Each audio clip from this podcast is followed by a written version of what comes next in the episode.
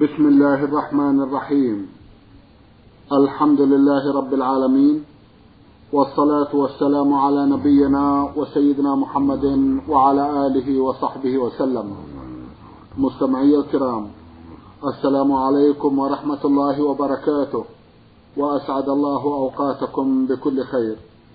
هذه حلقة جديدة مع رسائلكم في برنامج نور على الدرب رسائلكم في هذه الحلقة نعرضها على سماحة الشيخ عبد العزيز ابن عبد الله بن باز الرئيس العام لإدارات البحوث العلمية والإفتاء والدعوة والإرشاد. مع مطلع هذه الحلقة نرحب بسماحة الشيخ ونشكر له تفضله بإجابة السادة المستمعين فأهلا وسهلا بالشيخ عبد العزيز. حياكم الله بارك حياكم الله. نعود في بداية هذه الحلقة إلى رسالة وصلت إلى البرنامج من ليبيا بعث بها أحد الإخوة المستمعين من هناك. عرضنا بعضا من أسئلته في حلقة مضت وفي هذه الحلقة يسأل عن صيام الست من شوال وعن فضلها. جزاكم الله خيرا. بسم الله الرحمن الرحيم. الحمد لله وصلى الله وسلم على رسول الله. وعلى آله وأصحابه من اهتدى بهداه أما بعد فقد ثبت عن رسول الله عليه الصلاة والسلام أنه قال من صام رمضان ثم أتبعه ستا من شوال كان كصيام الدهر. رواه مسلم في الصحيح. وهذا يدل على فضلها وأن صيام الست مع رمضان كصيام الدهر كأنه صام الدهر كله. وهذا فضل عظيم. العشر في السنة فرمضان بعشرة أشهر والست بشهرين السنة بعشر أمثالها فكأنه صام الدهر كله. مع أن الله بلطفه جل وعلا جعل رمضان كفارة لما بين رمضانين فالست فيها زيادة خير ومصلحة عظيمة فائدة كبيرة في امتثال أمر النبي صلى الله عليه وسلم امتثال إرشاد النبي صلى الله عليه وسلم وترغيبه. والحرص على فعل ما شرع الله من العبادة وهذا خير عظيم. والمؤمن يتحرى ما شرع الله ويمتثل يطلب الثواب من الله هذا له فيه أجر عظيم. نعم. جزاكم الله خيرا. رسالة وصلت إلى البرنامج من أحد الإخوة المستمعين وقع في نهايتها بقوله أخوكم في الله. ميم نون عين. يسأل ويقول لي بنت عم رضعت معي رضعة واحدة أريد الزواج بها فهل يجوز ذلك؟ نعم إذا كانت لم ترضع إلا رضعة واحدة من أمك أو أنت رضعة واحدة من أمها فالرضعة لا تحرم ولك أن تزوجها. لقول النبي صلى الله عليه وسلم لا تحرم الرضعة ولا الرضعتان. خرجه مسلم في الصحيح. ولقوله صلى الله عليه وسلم لزوجة سالم أبي حذيفة أرضعي سالما. زوجة أبي حذيفة يقول صلى الله عليه وسلم لزوجة أبي حذيفة بن عتبة أرضعي سالما سبع خمس رضعات تحرم يعني خمس. ولما ثبت عن عائشة رضي الله عنها قالت كان فيما أنزل من القرآن عشر رضاعات معلومات. فحرمنا ثم نسخنا بخمس معلومات. فتوفي النبي صلى الله عليه وسلم والأمر على ذلك. خرج مسلم في صحيحه والترمذي وهذا لفظ الترمذي. ولفظ مسلم رحمه الله. فتوفي النبي صلى الله عليه وسلم وهي فيما يقرأ من القرآن. فالمقصود أن التحريم مربوط بخمس معلق بخمس رضعات. فإذا كانت الرضعات أقل من خمس فإنها لا تحرم. والرضعة يكون في مص الثدي فيبتلع اللبن ويطلق الثدي. ثم يعود إليه في المجلس أو في المجالس الأخرى خمس مرات. هذه الرضعة أما إن كان أمسك الثدي لكن لا يجزم أنه حصل لبن أو ما حصل لبن. ما ما يعتبر. أو يشك هل كمل خمسة وما كمل خمسة لا يعتبر. لابد من خمس معلومات يقين. كل رضعة فيها لبن يصل إلى جوفه في الحولين قبل أن يفرد فإذا كانت أقل من خمس أو بعد الحولين فإنها لا تعتبر ولا يكون رضعه معتبرا أو شك فيه هل بلغ خمسا وبلغ أو هل وصل الرضاع إلى جوفه هل وصل اللبن إلى جوفه أم لا. أو كانت المرضعة ما فيها لبن إنما ثقل فقط لئلا يصيح. ثقل بجيد بالثدي ولا ما فيها لبن؟ نعم. أو لبن ما, ما, ما يعتبر ماء ما ما ما له قيمة.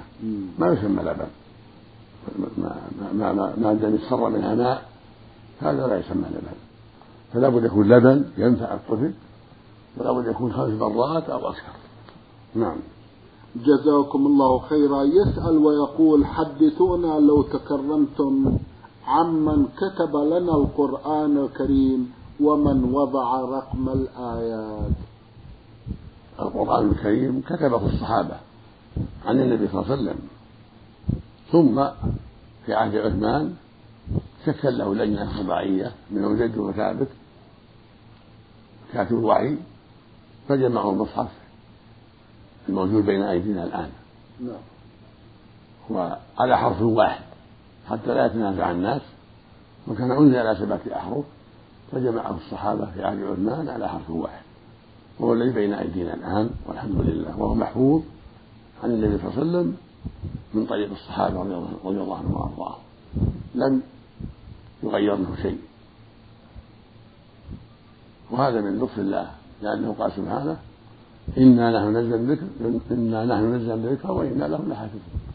هو الذي نزل الذكر وهو الذي حفظه وهو القرآن. ولهذا يقول جل وعلا إنا نحن نزلنا الذكر وإنا له لحافظون. قال حفظه الله على يد رسول الله صلى الله عليه وسلم ثم على يد الصحابة ثم بعد ذلك على يد أهل العلم قرنا بعد قرن يحفظونه في الصدور ويتلقونه عن بعضهم البعض ويكتبونه في المصاحف. كل ذلك من لطف الله وحفظه لكتابه العظيم سبحانه وتعالى. نعم. جزاكم الله خيرا. رسالة وصلت إلى البرنامج من أحد الإخوة المستمعين يقول سين راي. أخونا رسالته مطولة بعض الشيء يقول فيها أنا طالب أدرس في إحدى الدول العربية وخلال هذه الدراسة استأجرت غرفة عند حجة متقدمة ربما يقصد امرأة كبيرة في السن. عند حجة متقدمة في السن اعتادت أن تؤجر غرفا من بيتها. وعند انتهاء تلك السنة الدراسية أردت أن أذهب لزيارة أهلي لمدة شهرين ثم أعود. تقول تقول الرسالة أنا طالب أدرس في إحدى الدول العربية. وخلال هذه الدراسة استأجرت غرفة عند حجة متقدمة في السن. اعتادت أن تؤجر غرفا من بيتها. وعند انتهاء تلك السنة الدراسية أردت أن أذهب لزيارة أهلي لمدة شهرين ثم أعود. فسألتها إن كانت تقبل أن أترك أغراضي في الغرفة حتى أعود. فأخذت فأخذتها من عندها فقبلت وقالت ضع ذلك تحت السرير بشكل لا يظهر. ففعلت وبقيت شنطة ثيابي فوضعتها على ظهر خزيانة الثياب. وتركت للحجة المفتاح لأنها كانت غائبة عن البيت تلك الساعة. المهم عندما رجعت لأخذ الأغراض قالت لي أين ذهبت وتركت أغراضك؟ ولم يرضى أحد أن يستأجر الغرفة بسبب هذه الأغراض. هذا على حد قولها وأنكرت إنكارا شديدا أنها سمحت لي بإبقاء ثيابي وملابسي عندها وطالبتني بأجرة. فبماذا تنصحونني جزاكم الله خيرا. هذه خصومة بينك وبينها. راجع المحكمة والمحكمة فيها الكفاية والحمد لله. نعم. جزاكم الله خيرا. يقول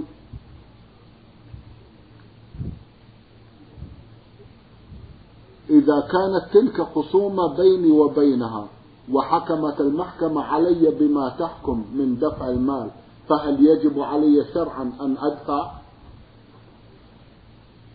أن أعطيتها الأجرة ولم تخاصمها فهو خير لك وأحسن. نعم. إن أعطيتها الأجرة ولم تخاصمها فهو خير لك. وإلا فالمحكمة فيها الكفاية. إذا ألزمك عليك أن تلتزم بحكم الشرع. نعم. جزاكم الله خيرا. رسالة أخرى من الإخوة مجدي رمزي حافظ وحارس عبد المنعم السعدي وأشرف عاطف مختار مصريون مقيمون في العراق. إخوتنا لها لهم جمع من الأسئلة يسألون ويقولون نعلم أن الكتب الصحيحة الستة كتب خيرة. فالرجاء أن تفيدونا. هل تختلف هذه الكتب من طبعة إلى أخرى؟ لأنني ونظرا لكثرة الكتب لم أعرف ما هو الصحيح فيها. الرجاء أن تفيدونا عن عن ذلك. جزاكم الله خيرا. نعم تختلف. الطبعات بعضها ردي بعضها فيها أغلاط فينبغي لطالب العلم أن يختار الطبعات الجيدة ويسأل أهل العلم الذين يعرفهم عن الطبعة الجيدة حتى يستعملها ويشتريها. ليست الطبعات على حد سواء لا في الصحيحين ولا في الأربع ولا في غيرها من الكتب. حتى القرآن قد قد يقع فيه غلط من الطابعين. فالطالب العلم يكون عنده انتباه عنده بصيرة. حتى لا يقتني إلا الطبعة الجيدة التي عرفها العلماء باستقام الصحة والسلامة من الأخطاء. وفي إمكانك كان كل واحد منكم أن يسأل عن الطبعة الجيدة إذا كان عنده قصور ما يعرف يسأل أهل العلم يقول عندي طبعة كذا طبعها فلان من كتاب ابن كثير من كتاب البخاري كتاب مسلم كتاب السنن الترمذي إلى غيره يسأل أهل العلم اللي يعرفونه الذين يعرفهم حتى يدلوه ويرشدوه على الطبعة الجيدة. جزاكم الله خيرا. يسألون عن أفضل كتاب لتفسير القرآن الكريم ويسألون سماحتكم عن رأيكم في تفسير ابن كثير. أحسن كتاب فيما علمت في التفسير تفسير ابن جرير وتفسير ابن كثير وتفسير البغوي. هذه الثلاثة أحسن التفاسير. ثم يليها تفسير القرطبي جيد ومفيد. تفسير الشوكاني جيد ومفيد ولكن كل واحد لا يغني عن الآخر. كل واحد لا يغني عن الآخر.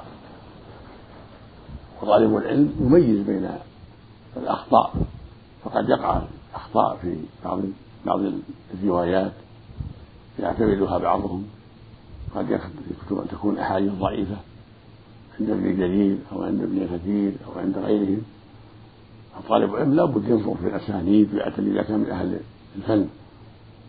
يعرف صحة السند وعدم صحة السند. كذلك الأقوال يعرضها على الأصول الشرعية والقواعد الشرعية. إذا كانت الأقوال مختلفة حتى يتميز له الصواب من غيره. وهكذا بعض المفسرين يؤولون الصفات كما قد يقع في تفسير القرطبي. فلا بد يكون طالب العلم عنده بصيرة في من يتأول الصفات أو يرجح بعض الأقوال المرجوحة حتى يختار ما هو الأفضل وحتى ينبه على الخطأ. وله كتاب يسلم من الأخطاء إلا كتاب الرب جل وعلا إلا كتاب الله سبحانه وتعالى. هو المعصوم المحفوظ لكن ليس في خطأ بل هو محفوظ. أما كتب الناس فقد يقع فيها خطأ من جهة المؤلف وقد يقع فيها خطأ من جهة الكاتب وقد يقع فيها خطأ من جهة الطابع فطالب العلم ينظر ويتحرى وإذا اشتبه عليه شيء سأل أهل العلم حتى يتميز له الحق من الباطل. نعم. جزاكم الله خيرا. يسألون سماحتكم عن رأيكم في الانتقال من بلد إلى بلد لزيارة ضريح أحد الأولياء ولو كانت المسافة قصيرة ولتكن المسافة مثلا 100 كيلو متر وليكن مثلا هذا الولي هو أحد الصحابة. جزاكم الله خيرا. السفر لزيارة القبور ما يجوز لكن تزار بدون سفر. كان يزور القبور في بلده يسلم عليهم ويدعو لهم إذا كانوا مسلمين. وإن كان الكفار يزورهم للاعتبار والعظة فقط ولا يسلم عليهم. لأن النبي صلى الله عليه وسلم قال زوروا القبور فإنها تذكركم الآخرة هكذا قال صلى الله عليه وسلم. زوروا القبور فإنها تذكركم الآخرة مسلم في الصحيح وكان يعلم أصحابه رضي الله عنهم إذا زاروا القبور أن يقولوا السلام عليكم أهل الديار من المؤمنين والمسلمين وإنا إن شاء الله بكم لاحقون. نسأل الله لنا ولكم العافية. يرحم الله المستقدمين منا والمستأخرين. وربما قال في بعض كلماته إذا زار القبور أنتم لنا سلف ونحن بكم لاحقون. غدا مؤجلون. اللهم اغفر لأهل بقية الغرقد. ربما قال السلام يا أهل القبور. يغفر الله لنا ولكم أنتم سلفنا ونحن بالأثر. فالإنسان يسلم عليه نحو هذا نحو ما جاء النبي صلى الله عليه وسلم. يدعو لهم لكن من دون شد رحم. لكن البعيد لا يشد الرحم يزور القبور التي في بلده من دون شد رحم وإذا سافر إلى بلد لأجل مصلحة للتجارة أو زيارة أخ له وأحب يزور قبورها لا بأس. لكن السفر ليس لأجلها بل لأجل تجارة أو زيارة قريب حي أو صديق أو لأسباب أخرى. وأحب يزور القبور. فهي سنة زيارة سنة. فيها عظة فيها مصالح. تذكر الموت تذكر الآخرة كما قال النبي صلى الله عليه وسلم. لكن ليس له أن يشد الرحل إليها إذا كانت بعيدة. لقول النبي صلى الله عليه وسلم لا تشد الرحال إلا إلى ثلاث مساجد المسجد الحرام ومسجدي هذا والمسجد الأقصى. هذه المساجد الثلاث هي التي تشد لها الرحال للصلاة فيها والعبادة. وللحج في المسجد الحرام. أما غيرها من المساجد والبقاع والقبور فلا يجوز لها الرحال لا تسد الرحال لا بقعة من البقاع لا لا مقبرة ولا صخرة ولا ولا الطور الذي كلم الله فيه موسى ولا غير ذلك. أبدا لا تسد الرحال لهذه الأشياء. ولما سافر أبو هريرة إلى الطور أنكر عليه بصرة من البصرة الغفاري وقال لو علمت لما لما سافرت فإن النبي صلى الله عليه وسلم قال لا تعمل المطي إلا إلى ثلاث المساجد المسجد الحرام والمسجد هذا والمسجد الأقصى. فأنت يا عبد الله عليك أن تتبع السنة ولا تخرج عنها. تزور القبور في بلدك ولا تسد الرحال إليها. في أي مكان. لا تسافر إليها. وهذا للرجال خاصة. أما النساء فليس لهن الزيارة لقوله صلى الله عليه وسلم لأنه صلى الله عليه وسلم لعن زيارات القبور. فلا يزورن القبور وإنما يزورها الرجال فقط. هذا هو الصواب. نعم. جزاكم الله خيرا. يقول هل هناك سنة للجمعة؟ لأن بعض المؤذنين هنا بعد الانتهاء من الأذان الأول يقول سنة الجمعة يرحمكم الله. هذا غلط. هذا المؤذن اللي يقول هالكلام غلط. بدعة لا أصل لها. والجمعة ليس لها راتبة قبلها. بل يصلي ما يسر الله يصلي اثنتين أو أربع ركعات تسليمتين أو ست ركعات ثلاث تسليمات أو أكثر. يصلي ما قدر له إذا وصل المسجد. والحمد لله. وليس هناك حد محدود قبل الصلاة في الجمعة. ولو صلى ركعة قبل أن يدخلها الإمام. يسلم من كل اثنتين. أما بعدها فالأفضل أربع ركعات. النبي عليه الصلاة والسلام قال إذا صلى أحد الجمعة فليصلي بعدها أربعة. وقال من كان مصلي بعد الجمعة فليصلي بعدها أربعة. فالسنة يصلي بعدها أربعة تسليمتين. سواء في المسجد أو في البيت. هذا هو الأفضل. نعم. جزاكم الله خيرا. رسالة وصلت إلى البرنامج من المستمع سامح طارق من العراق. سامح يسأل جمعا من الأسئلة يقول في أحدها توفي عمي قبل جدي بزمن وترك بنتا واحدة.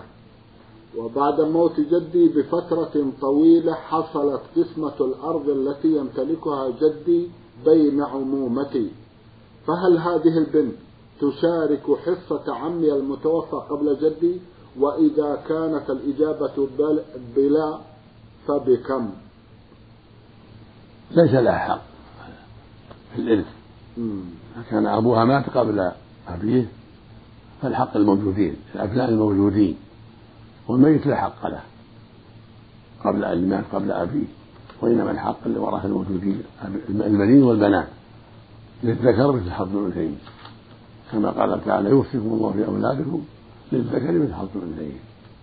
إلا إذا كان جدها أوصى لها بشيء أوصى لها بشيء من الدراهم أو شيء مشاع كالربع أو الخمس لا بأس. لكن ليس له يوصي بأكثر من الثلث. إذا أوصاها بالثلث أو أقل أو بدراهم معينة لا تزيد على الثلث أو بأرض أو بيت لا يزيد على الثلث لا بأس. أما إن زاد على الثلث فلا يسمح لها بالزيادة إلا بضرورته إذا أوصى لها بشيء يزيد على الثلث فإلا ليس لها حق فيه إلا برضاهم يعني الورثة إذا كانوا مرشدين أما إن كانوا قاصرين لا لا تعطى الزيادة. نعم. جزاكم الله خيرا. يقول إذا كان أصل ملكية الأرض للدولة وهي مستغلة من قبل الأشخاص منذ زمن طويل جدا. فهل يجوز معاملة الذكر معاملة الأنثى عند القسمة إذا كان أصل ملكية الأرض للدولة؟ وهي مستغلة من قبل الأشخاص منذ زمن طويل جدا. فهل يجوز معاملة الذكر معاملة الأنثى عند القسمة على ورثة أحد الأشخاص؟ إذا كانت الدولة قد أعطتهم أقطعتهم هذا أو اشتروا منها لا بأس. وإذا ما دام على ملك الدولة فهم إما مستأجرون وإما معارون فليس لهم حق في الأرض. إلا إذا كانت الدولة قد أقطعتهم إياها منعتهم إياها فذلك على حسب الإقطاع. كل له نصيبه. أو الدولة باعت عليهم أما إذا كان لا بيع ولا إقطاع وهي على حساب الدولة فهم يعتبرون إما مستأجرون يعتبرون إما مستأجرين وإما معارين وإما مغتصبين يعني إذا كانوا دخلوها بقوة من غير إذن. نعم. جزاكم الله خيرا. إذا قال الشخص بالحرام بالطلاق ولعدة مرات فلان لن يتزوج فلانة. فإذا حصل الزواج هل يقع عليه الطلاق؟ هذا يختلف. حسب نيته نعم. يقع عليه بالطلاق أو يحاول لا يتزوج فلان. هذا أول لا يجوز الحلف بالطلاق. ولا يجوز الحلف بالحرام لا يجوز. الحلف يكون بالله وحده. لا يجوز الحلف يحلف بالطلاق ولا بالحرام ولا بالأمانة ولا بالنبي ولا برأس فلان ولا شرف فلان ولا حياة فلان. كل هذا لا يجوز. يقول النبي صلى الله عليه وسلم من كان حالفا فليحلف بالله ويصمت. ويقول صلى الله عليه وسلم من حلف بشيء دون الله فقد أشرك. لكن إذا كان قصده يعني عليه الطلاق عليه الحرام أن فلان لا يتزوج فلانة وقصد منعه. هذا إذا فعل عليه كفارة يمين حكم حكم اليمين. إذا ما طاعوه تزوجوه.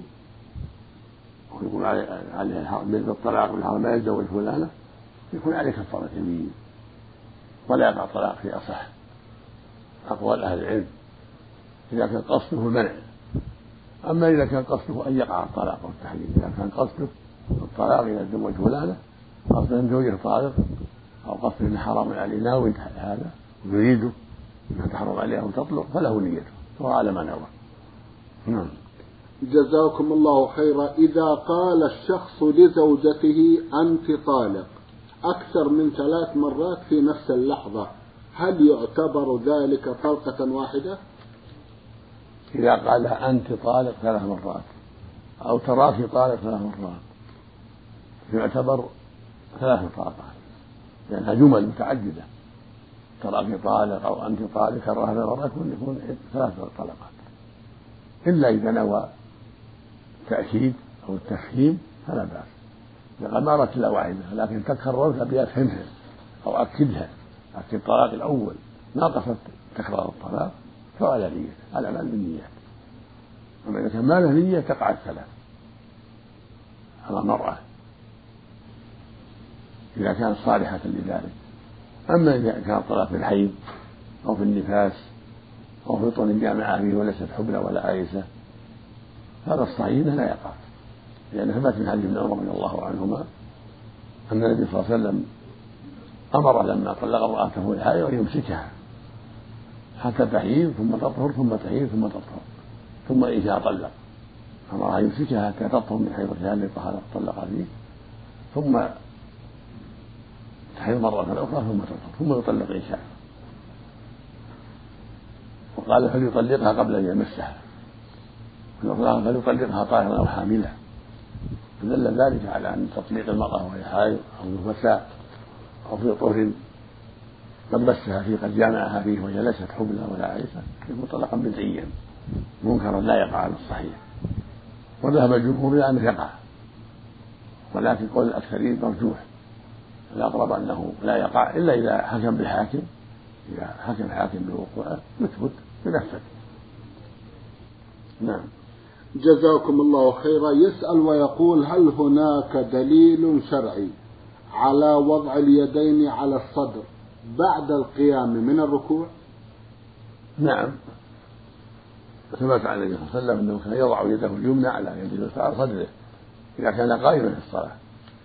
وهذا عام يأمه قبل الركوع وغير الركوع. هذا ثابت في السنن من حديث وائل بن حجر قال كان إذا كان قائما في الصلاه يضع يدي كفه اليمنى على كفه اليسرى. وهذا يؤم ما كان قبل الركوع وبعد الركوع. وهكذا حديث سهل بن سعد عند البخاري رحمه الله. قال كنا نؤمر. كان كان الرجل يؤمر يضع يده اليمنى على الذراع اليسرى في الصلاة وهو في البخاري. معنى ذلك أنه يضع يده اليمنى على اليسرى حال وقوفه في الصلاة. لأن حالة الركوع يضع على ركبتيه حالة السجود يضعها على الأرض حالة الجلوس على فخذيه وركبتيه فما بقي إلا قيام دل على أن يضع يمينه على ذراعه اليسرى وفي حديث مالك في حديث وائل وضح أنه على صدره. فالاحاديث يفسر بعضها بعضا. وهكذا جاء مرسلا من حديث طارق من حديث طاووس بن كيسان تابعي جليل. جاء مرسلا عنه بسند صحيح. أن النبي صلى الله عليه وسلم يضع يده اليمنى على كفه اليسرى على صدره. وهو قائم في الصلاة عليه الصلاة والسلام. وهذا يشمل ما قبل الركوع وما بعد الركوع. ومن فصل قال بعد الركوع لا يضع عليه الدليل. والأصل بقاء ما كان على ما كان. فمن زعم أنه يضعهما يرسلهما فعليه الدليل. وإلا فالأصل بقاء وضعهما على حاله الأول في حال القيام. نعم. جزاكم الله خيرا. يسأل ويقول في الحديث النبوي الشريف من سن سنة حسنة إلى آخر الحديث هل هذه العبارة مجازية أم تفهم على ظاهرها؟ وهل يمكن اعتبار مكبرات الصوت في المساجد لرفع النداء لرفع النداء أو نقل الصلاة عبرها سنة حسنة؟ نعم.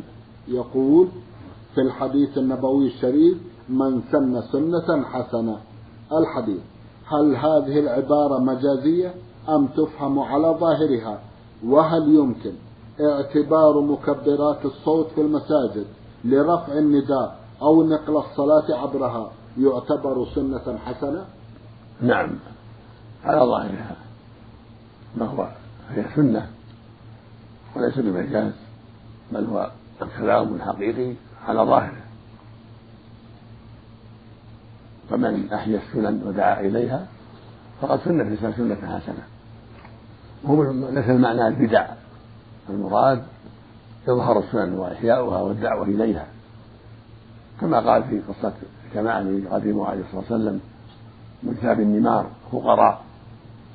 فقام صلى الله عليه وسلم وخطب الناس وذكرهم ودعاهم إلى الصدقة. فجاء رجل بفرة في كفه كان كفه تعجز عنها. فتتابع الناس. فقال النبي صلى الله عليه وسلم من سنة سنة حسنة على الحديث. هذا مثال. فالذي أتى بالصدقة جارة حتى تبعه الناس قد سن في سنة حسنة. يعني أظهرها وبينها. وهكذا لو كان في بلد ما يصلون التراويح وصلاها وتابعوه أحيا السنة. وهكذا لو كان لا يصلون الجماعة صلوا بيوتهم فدعاهم إلى الصلاة في المساجد وصلوا الصلاة في المساجد. هذا أحيا السنة يكون له مثل أجورهم.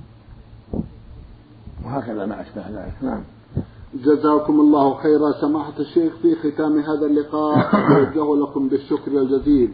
بعد شكر الله سبحانه وتعالى. على تفضلكم بإجابة السادة المستمعين وآمل أن يتجدد اللقاء وأنتم على خير. نسأل الله.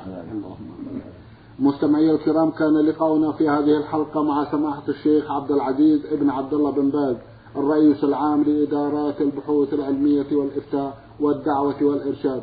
شكرا لسماحته. وأنتم يا مستمعي الكرام شكرا لحسن متابعتكم. وإلى الملتقى. وسلام الله عليكم ورحمته وبركاته.